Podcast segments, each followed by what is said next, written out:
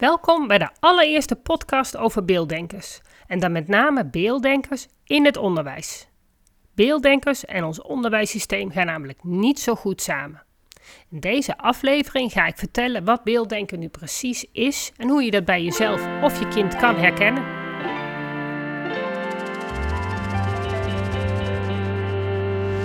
Welkom bij de Beelddenkers podcast. Ik ben Natasja Esmeijer van Beeldig Brein en de schrijfster van het boek Beelddenkers als kwartjes vallen. Ik neem jullie mee in de wereld van de beelddenkers. Beelddenkers zijn creatieve, intelligente en zorgzame mensen, maar ze hebben moeite met onze vluchtige, snelle maatschappij. Dat begint al op school en het werkt door in het werkende leven. Ik ga in gesprek met leerkrachten, ouders van beelddenkers en met de beelddenkers zelf natuurlijk. Wat is dat nou precies, beelddenken? En waarom passen die beelddenkers niet zo goed in ons onderwijssysteem? Dat is best een lastige vraag om zomaar even te beantwoorden. Beelddenken is namelijk maar een klein stukje van het complete verhaal van een beelddenker. In, in eerste instantie kan ik ook heel gemakkelijk een antwoord geven. Beelddenkers zijn namelijk gewoon mensen die in beelden denken. En dat kunnen kinderen zijn, dat kunnen volwassenen zijn. Eens een beelddenker, altijd een beelddenker. En je hebt het gewoon georven van je ouders. Het is niet iets waar je iets aan kan doen. Je bent zoals je bent en daar moet je het mee doen. Je kan ook niet de kleur van je ogen veranderen, dus je kan ook niet veranderen hoe jij denkt. Ben jij een beelddenker? Heb je voor jezelf het idee dat jij weet hoe jij denkt? Ik ben heel benieuwd. Toen ik namelijk die e- vraag voor de eerste keer kreeg, had ik geen idee. Ik had echt zoiets, waar heb je het over? Totdat ik in mijn hoofd ging nadenken van, goh, wat gebeurt daar eigenlijk? Ik, zie, ik hoor eigenlijk heel veel uh, geklets met mezelf. En af en toe heb ik best een beeld daarbij. Maar als ik dan met andere volwassenen praat, wel met beelddenkers, dan hoor ik een hele andere denkwereld. Hoor ik echt dat er gewoon heel veel beelden en filmpjes zijn. Dus toen wist ik zeker, ik ben een taaldenker en er bestaan dus ook nog mensen die echt op een hele compleet andere manier denken. Bij kinderen is het vaak nog iets duidelijker. Want kinderen tot een jaar of negen, die hebben eigenlijk alleen maar de, de toegang tot hun dominante uh, denkvoorkeur. Dus of het beelddenken of het taaldenken. Pas later gaan de hersenen verder ontwikkelen en kun je dus ook gebruik maken van de andere eigenschappen van je, van je hersenen.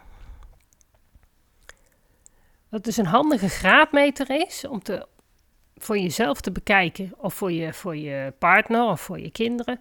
Dan ben je nou een beelddenker of ben je een taaldenker. Is om te kijken wat er gebeurt als je een boek aan het lezen bent. Als je kind aan het voorlezen bent, vraag daarna, goh, wat gebeurt er in je hoofd? En als ze dan zeggen van, nou, niet zoveel, dat kan. Um, ze begrijpen gewoon het verhaal. Het kan ook zijn dat ze zeggen, oh ja, ik heb een heel filmpje en uh, er gebeurt dit en ik heb dat gezien. Dan zijn het waarschijnlijk beelddenkers. Je denkt er eigenlijk ook helemaal niet over na dat dat bij iemand anders anders kan zijn dan bij jou. Eh, je, als jij denkt, dan denk je er niet over na hoe je dat doet. Het is best wel grappig om te weten dat, dat het bij andere mensen gewoon op een hele andere manier gaat. Maar dat maakt het juist ook wel weer heel erg lastig. Want aangezien je het aan de buitenkant niet kan zien, heb je gewoon geen idee dat het, dat het kan zijn dat er mensen zijn die het gewoon op een hele andere manier doen. En de medische wereld, die, die kan met hersenscans eigenlijk best wel heel veel dingen aantonen. Ze weten waar, uh, welke hersengebieden actief zijn, maar ze kunnen nog steeds niet gedachten lezen. Gelukkig maar. Ik zou het niet prettig vinden als iemand anders mijn gedachten zou kunnen lezen. Maar dat is wel de reden waarom wij dus niet van een ander weten hoe die precies denkt. En dat is zeker in het onderwijs best wel heel erg lastig. Een, uh, een paar maanden geleden, toen zat ik op een feestje buiten, helemaal coronaproof. En ik was in gesprek met de buurvrouw van een collega van mij. Zij had mijn boek gelezen en we waren zo over haar zoontje aan het praten. En op een gegeven moment zei ze van, ja, maar hoe zit dat dan met dat denken? Ze zegt, als je, als je ergens aan denkt, dan is dat toch gewoon een concept. Dat kan toch niet op een andere manier? Ik zei, nou ja, als ik denk, dan ben ik gewoon met mezelf aan het praten. Ah, zei ze, dat kan toch helemaal niet? Ik zei, ja, dat kan zeker wel. Ze had echt, ondanks dat ze mijn boek had gelezen, ze had echt geen idee dat het, dat het ook nog op een andere manier kan dan zoals zij dacht. We nemen eigenlijk heel erg aan dat iedereen maar op dezelfde manier denkt. Er gaat een wereld voor je open op het moment dat je je realiseert dat het dus ook anders kan. Nou, dit is het eerste stapje van uh, wat is nou precies een beelddenker. Dus denken in beelden. Maar dan zijn we er niet. Dan zouden kinderen ook niet zo snel vastlopen in het onderwijssysteem. Want dan hadden we wel, hadden ze aan de plaatjes die er bij de, bij de sommen en zo staan, hadden ze al best wel genoeg aan gehad. Maar helaas, ze hebben wel problemen. Want dat denken in beelden is eigenlijk maar een klein onderdeeltje van het beelddenken. Um, het gaat er namelijk om, net als dat jij een Ehm, hand hebt waarmee je graag schrijft. Je kan alleen met je rechterhand of alleen met je linkerhand goed schrijven. Zo is het ook dat je een van je twee hersenhelften het beste kan gebruiken. En daar zit nou juist het grote verschil tussen beelddenkers en taaldenkers. Beelddenkers die denken met de rechterkant van hun hersenen en Taaldenkers denken met de linkerkant van hun hersenen. Ik noem dat dan ook een linksbrein voor de taaldenkers en een rechtsbrein voor de beelddenkers. Dat vind ik zelf makkelijker, omdat het toch wel duidelijk aangeeft van hé, hey, met welke kant denk jij? En daar ligt nu juist het grote verschil. Heb jij een linksbrein of een rechtsbrein? Omdat die twee hersenhelften die zijn niet hetzelfde. Daar zitten allemaal hersengebieden en die hersengebieden die zijn allemaal anders. Het is niet zo dat de hersengebieden die aan de linkerkant van je hersenen zitten, ook aan de rechterkant van je hersenen zitten.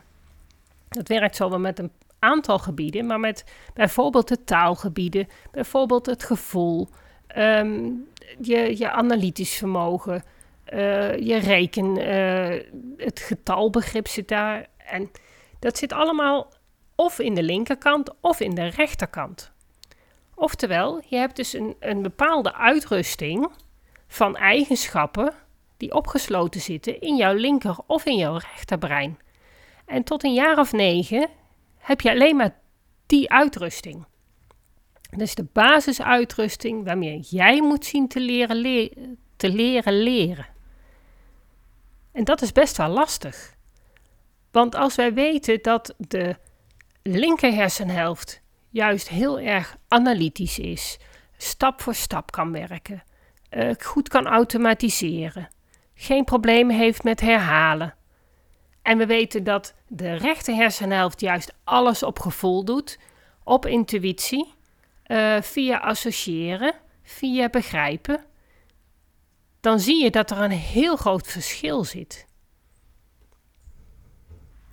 Een beelddenker is dus niet iemand die alleen maar in beelden denkt, maar het is ook iemand met een rechtsbrein. En nu komen we bij de beelddenkers in ons onderwijs.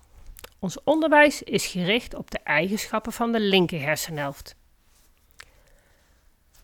Iemand met een linksbrein past dus prima in ons onderwijssysteem. Stap voor stap automatiseren, geen enkel probleem. Maar kinderen met een rechtsbrein hebben daar moeite mee. Niet omdat hun intelligentie niet toereikend is, over het algemeen is daar niks mis mee. Maar omdat de, de uitrusting die ze hebben, die is gewoon niet geschikt voor het onderwijs zoals wij het aanbieden. Ik weet dat er scholen zijn die hier wel rekening mee houden. Heel fijn. Um, of, ze, of ze geven in ieder geval, je hebt ook leerkrachten die gewoon weten van, goh, als ik het net een beetje anders doe, dan zijn deze leerlingen ook in staat om beter te leren. Maar er zijn nog zoveel verhalen van kinderen die vastlopen. Maar ook leerkrachten en IB'ers die geen idee hebben hoe ze met deze kinderen wel aan het leren kunnen krijgen. En vooral dat gevoel van niet begrepen worden, dat kan echt een trauma zijn voor deze kinderen. Eigenlijk nog erger dan de leerproblemen die ze hebben. Dat ze niet zo goed kunnen leren lezen, dat vinden ze niet zo heel erg. Maar het gevoel dat ze niet weten waarom het niet lukt en dat ze het maar op de verkeerde manier moeten blijven doen. Alles wat hun tegenstaat, dat moet maar gewoon op die manier. Ja, daar, daar, daar hebben ze echt de grootste moeite mee. Je hoort heel veel kinderen die op het moment dat ze een leerkracht krijgen die hun in ieder geval begrijpt, die snappen dat zij daar moeite mee hebben en dat zij, nou ja, eenmaal op een andere manier denken. Alleen al die erkenning zorgt ervoor dat kinderen beter in hun vel zitten. Daar zijn de leerproblemen nog niet mee opgelost, maar het gevoel is zo belangrijk dat dat al doorslaggevend is dat ze in ieder geval met plezier naar school gaan. En ook voor de leerkrachten is dit best een bron van, van ja, onzekerheid. Van waarom lukt het mij niet om deze kinderen ook te laten leren en hun ook lekker in hun vel te laten zitten. Als ze tenminste in de gaten hebben waar het probleem vandaan komt bij deze kinderen. Want dat is heel vaak helemaal niet duidelijk. Het is eigenlijk best wel jammer dat deze beelddenkers zich helemaal niet prettig voelen in het onderwijssysteem. Maar dat ze echt heel geweldig creatieve geesten die we de komende jaren eigenlijk heel hard nodig hebben om alle uitdagingen waar de wereld voor staat, corona, uh, milieuproblematiek, uh, al die problemen die moeten opgelost worden en die vragen om creatieve geesten die gewoon om een hoekje kunnen denken, out of the box kunnen denken. En daar zijn deze kinderen eigenlijk heel goed in, toe in staat. Maar als jij als, als kind je, je, je plezier in het leren ontnomen wordt, dan heb je later vaak ook niet meer zoveel zin om nog een of andere moeilijke studie te gaan doen. Eigenlijk best heel jammer dat wij deze kinderen al zo vroeg de lust tot het leren ontnemen. En zijn al die leerkrachten dan moe mensen? Wel nee. Zij doen echt hun best om ook deze kinderen bij het leerproces te betrekken. Maar wat ze echt niet in de hand hebben, is de manier waarop het onderwijs is opgebouwd. En ze missen het inzicht in hoe anders beelddenkers denken en leren dan taaldenkers. Ik heb ervaringen van mijn oudste dochter in het onderwijs en die waren niet zo fijn. En in mijn praktijk zie ik nog steeds regelmatig nieuwe schijnende gevallen. Kinderen die met stress thuis zitten. Kinderen die het idee hebben dat ze dom zijn. Kinderen die jaren achterlopen op de lesstof en met remedial teaching meer van hetzelfde aangeboden krijgen. Net zolang totdat deze kinderen het of zelf uitgevogeld hebben. Gebeurt heel vaak. Um, ze compenseren gewoon met hun intelligentie. Of ze zitten met lichamelijke klachten bij een, psychiater. Of ze komen bij een coach, zoals mij. Hartstikke leuk.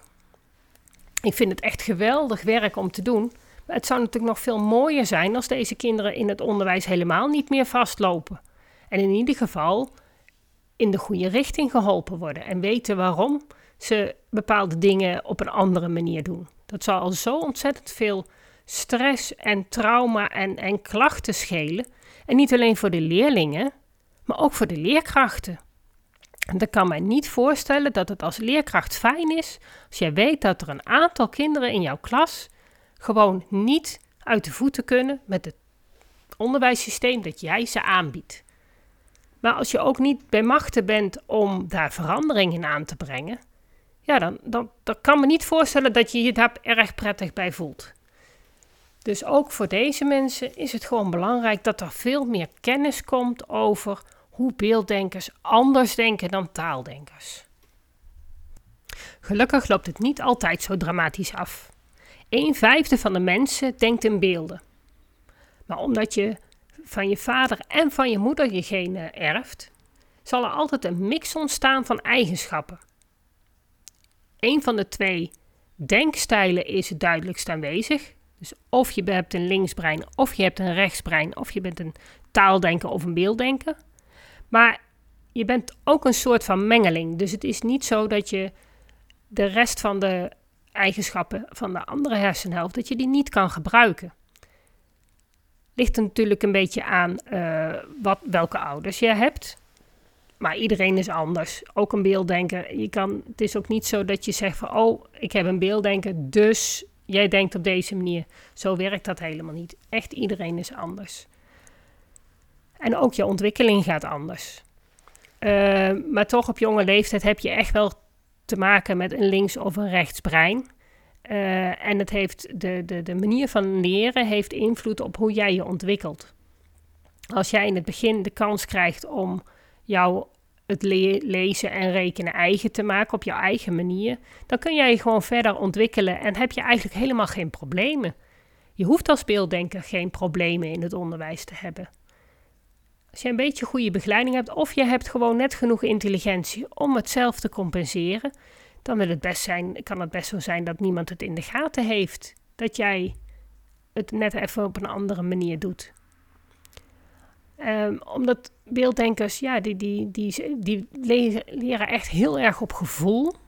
Gevoel is heel belangrijk in het brein van een beelddenker, door het hele denkproces heen. Um, daarom, ze voelen zich anders, maar ze willen helemaal niet anders zijn. En daarom zijn ze eigenlijk heel goed in staat om zich aan te passen. Ze kijken om zich heen en zien hoe andere kinderen het doen. En ze doen het ook op die manier. Zij zijn gewoon heel erg uh, mee bezig om te zorgen dat er harmonie is. Dat zij zich prettig voelen. En als zij een standje krijgen, ja, dan voelen ze zich niet prettig. Dus ze proberen dat te omzeilen. En zo ook met het leerwerk. Zij moeten een bepaalde som uitrekenen. En zij gaan gewoon met hun hele creatieve brein, gaan zij gewoon een oplossing zoeken. Dat dat niet de oplossing is die de juf voordoet, ja, dat maakt voor hun eigenlijk niet uit. Zij zorgen er gewoon voor dat zij een manier vinden waarop zij iets uit kunnen rekenen of waarop zij kunnen lezen.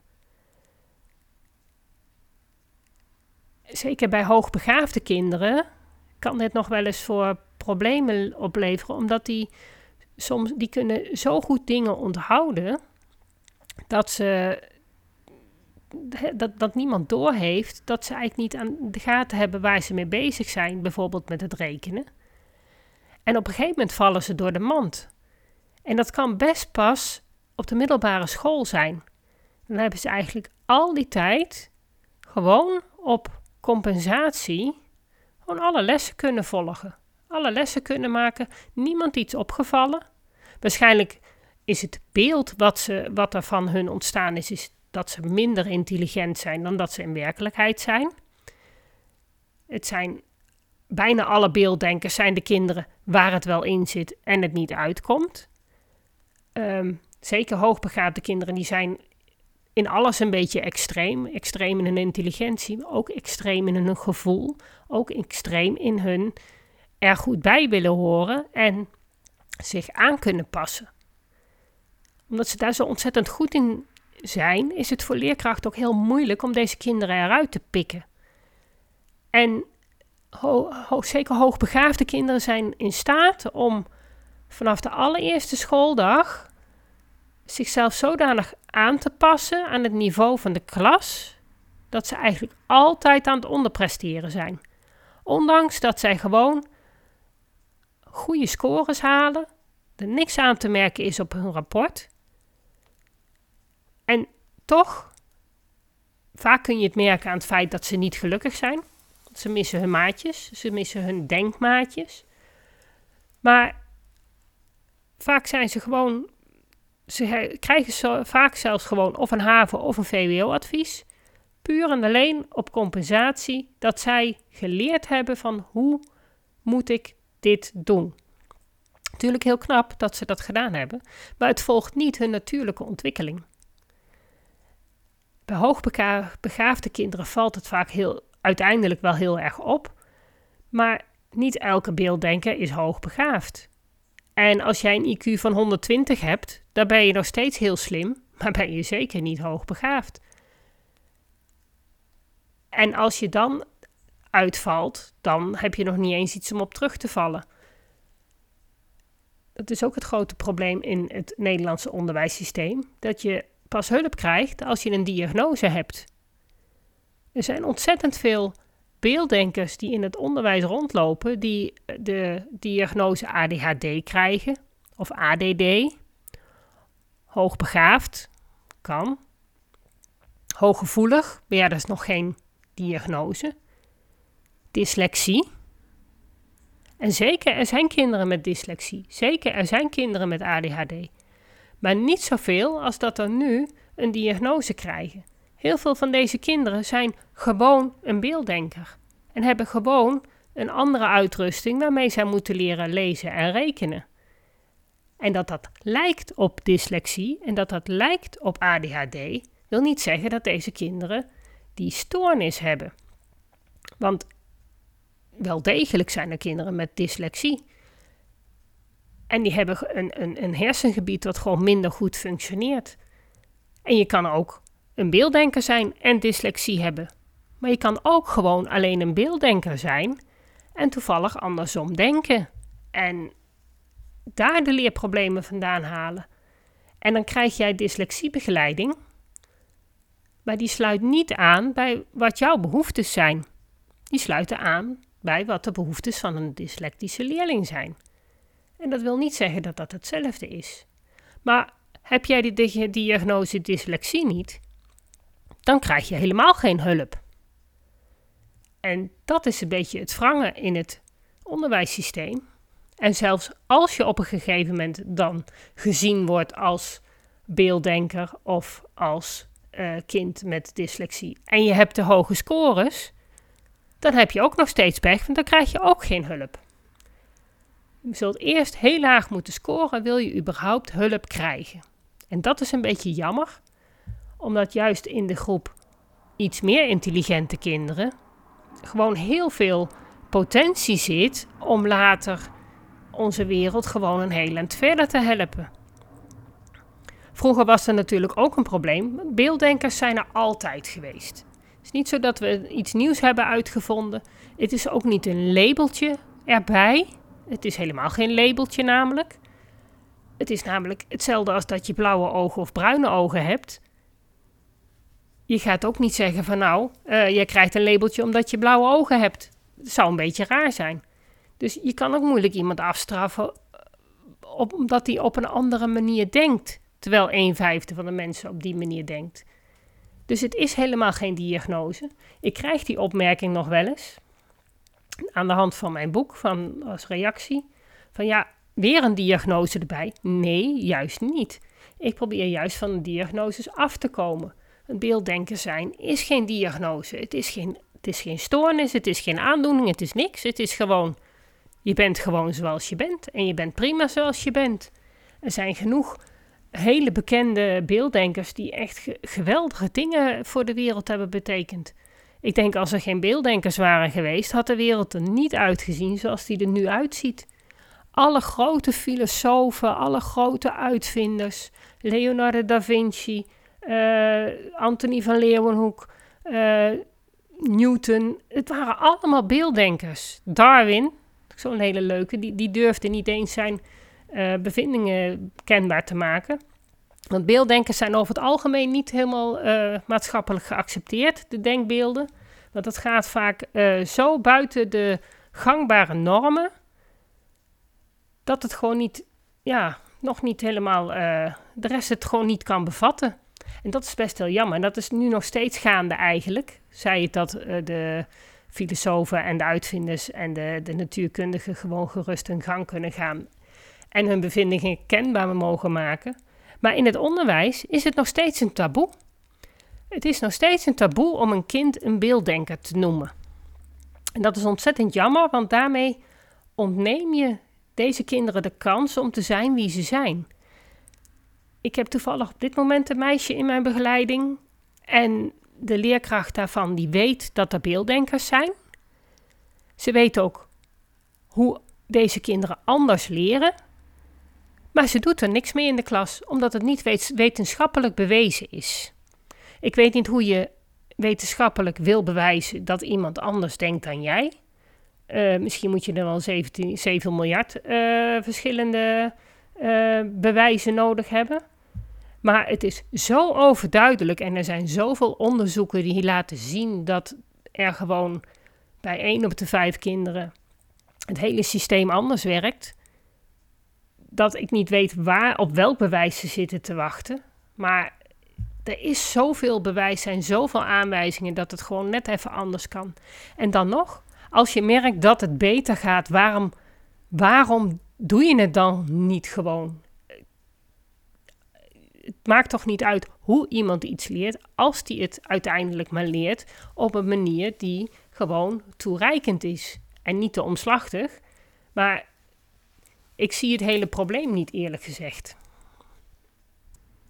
Hoe leert dan een beelddenker? Een beelddenker die leert voornamelijk door dingen zelf te doen, door dingen te begrijpen en niet door dingen te herhalen en te oefenen. Een beelddenker kan 80% van de tijd besteden aan het doorgronden van een probleem, het drie keer oefenen en het beheersen.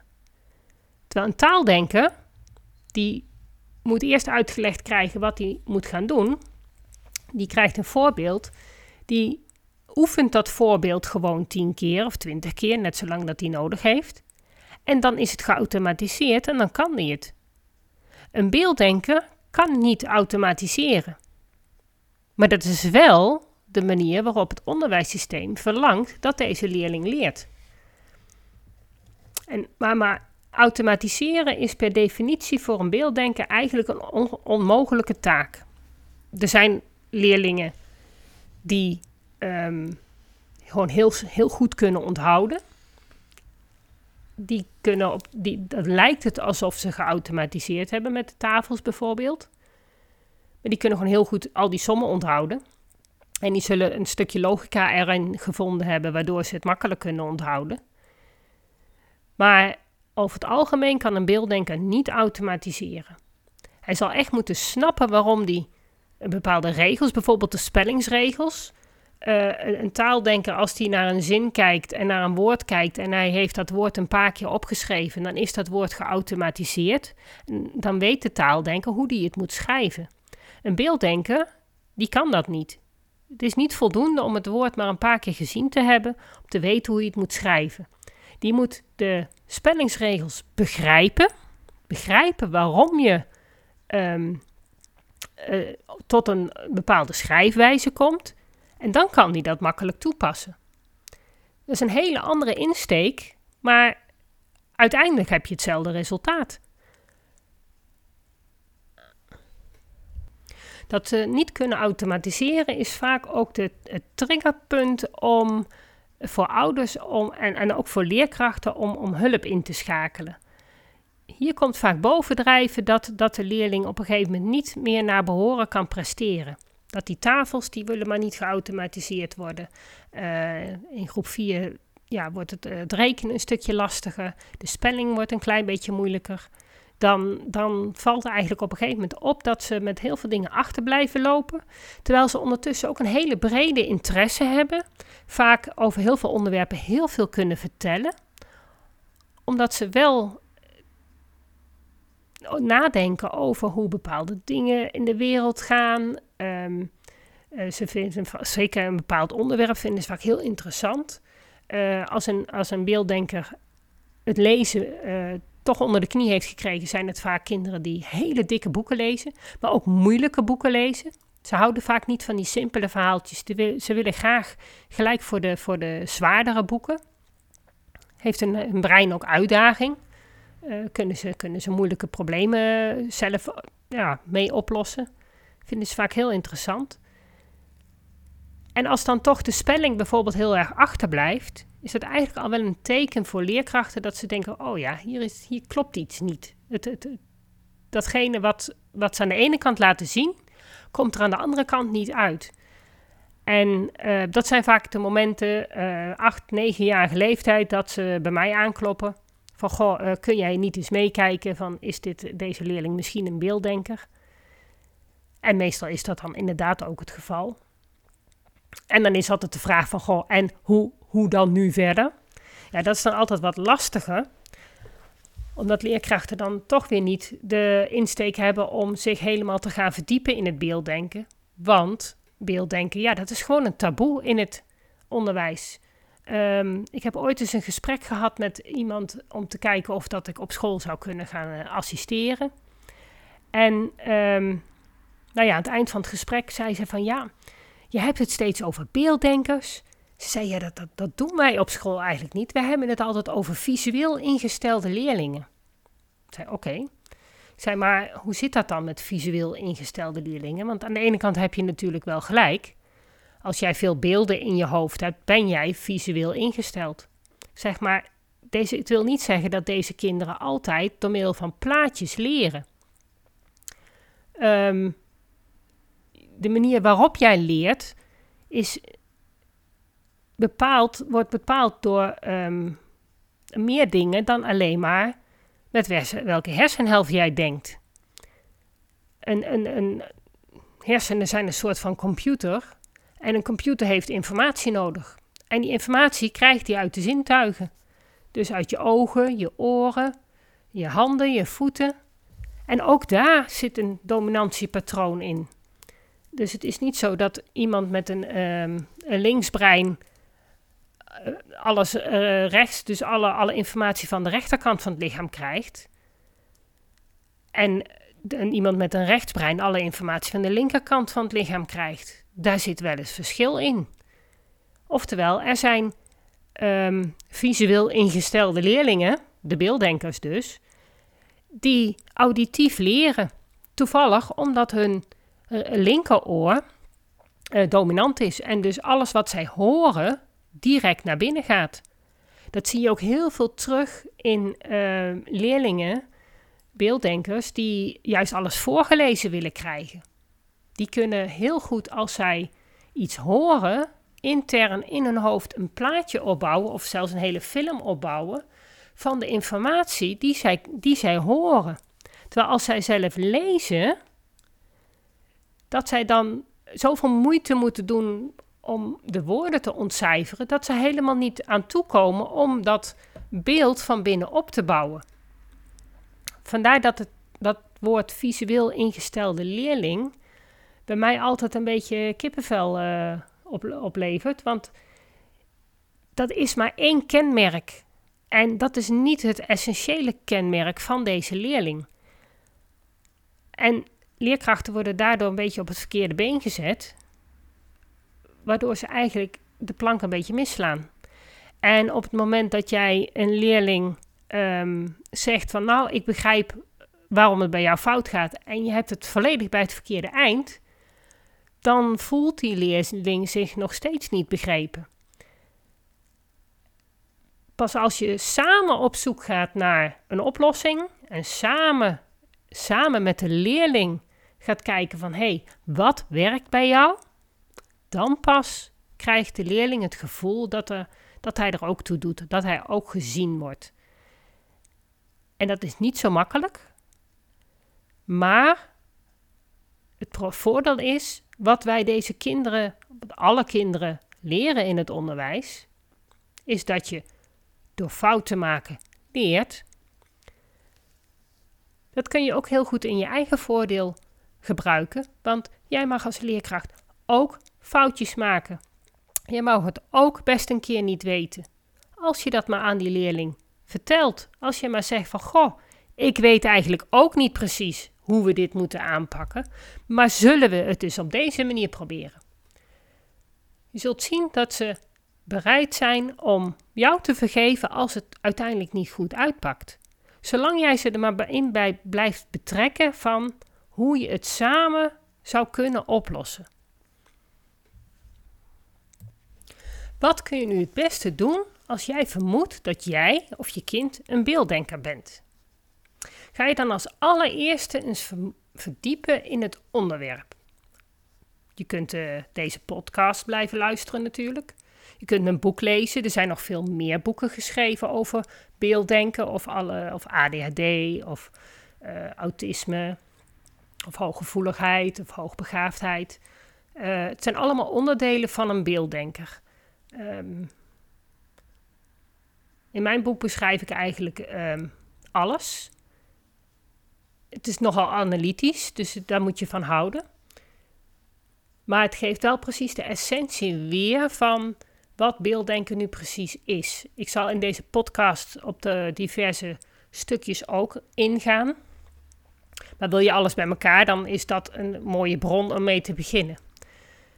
Um, verder is het natuurlijk belangrijk dat je niet alleen van jezelf weet hoe jij in elkaar steekt, maar dat je dat dus van je kind en je partner ook weet. Als een van de twee een beelddenker is en de ander is een taaldenker, dan kan dat wel best wel eens conflicten opleveren. Terwijl als jij van elkaar weet dat je anders denkt, dat je dan begrijpt waarom de ander op een andere manier reageert dan jij verwacht. En op die manier kun je veel meer begrip voor elkaar opbrengen. Hetzelfde geldt voor je kinderen. Als jij van jouw kinderen weet van um, hoe hij denkt, wat zijn uitrusting is um, en, en hoe het een beetje in elkaar zit, dan weet je ook hoe jij je kind moet benaderen uh, op het moment dat, iets, nou ja, dat je iets aan hem wil vragen of dat je iets gedaan wil krijgen. Maar ook hoe je reageert op het moment dat hij vervelende dingen doet. Als hij iets doet wat niet mag. Bij het ene kind moet je heel boos worden, dat helpt. Maar bij het andere kind, als jij daar heel erg boos op wordt, nou, dan heb je voor een hele lange tijd een heel groot probleem. Want dan is jouw vertrouwen weg. En dat, moet, dat is wel handig als je dat van tevoren weet. En ook dat jouw partner dat weet. Niet, niet alle partners hebben in de gaten dat um, hun partner een uh, beelddenker is en dus heel veel uh, gevoel heeft. En dat kan best wel eens uh, vervelende situaties opleveren. Zeker naar kinderen toe. Als je een, een heel gevoelig kind hebt en je als, als volwassene heb je, ben je dat zelf helemaal niet, dan is het heel moeilijk om je daarin te verplaatsen. Maar is het dus heel makkelijk om jouw kind um, ja, toch wel heel erg te kwetsen. En dat is heel jammer. Um, als jij als, als ouders weet hoe jouw kind in elkaar steekt, eigenlijk als je als, als jonge ouders weet hoe jouw kind in elkaar steekt, is het ook hele belangrijke informatie om dat op school door te geven. Voor school is het dan weer belangrijk om naar deze ouders te luisteren. Um, zeker als jij als ouders uh, al een sterk vermoeden hebt dat jouw kind in ieder geval een ontwikkelingsvoorsprong heeft, is het handig om dat aan te geven. Maar ook als jij weet dat jouw kind heel gevoelig is, zou ik dat zeker doorgeven, omdat um, op school dan belletjes kunnen gaan rinkelen van, goh, misschien is het wel een beelddenken. Dat zou heel fijn zijn. Ik denk niet dat dat nu al echt het geval is. Maar het zijn wel dingen waar ze rekening mee kunnen houden. En nog, nogmaals, leerkrachten zijn echt van goede wil, uh, zijn over het algemeen wel bereid om, om te luisteren. Maar niet alle leerkrachten hebben zelf uh, het, het, ja, het, idee dat er beelddenkers bestaan. Dus zolang um, dat nog het geval is, zul je als ouders ook ja, op de bres moeten springen voor je eigen kind. En, en op tijd aan de bel trekken op je, als je ziet dat jouw kind um, klachten gaat krijgen. Dat het met buikpijn naar school gaat. Uh, dat het niet meer met plezier naar school gaat. Uh, als jij merkt van, goh, het, het, het, rekenen blijft wel heel erg achterlopen. En je dat eigenlijk niet verwacht bij de intelligentieniveau van je kind.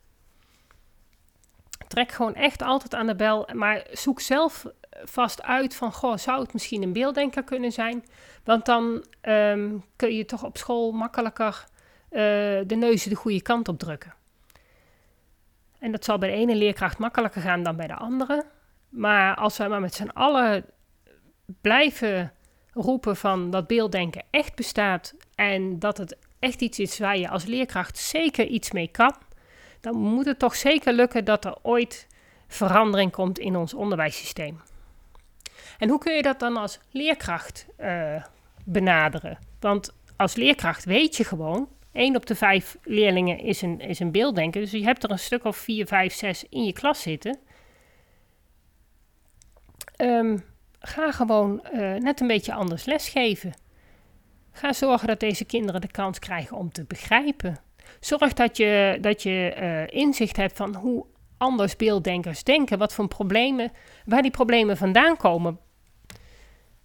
En ik denk dat dat al een hele uh, goede stap in de goede richting is.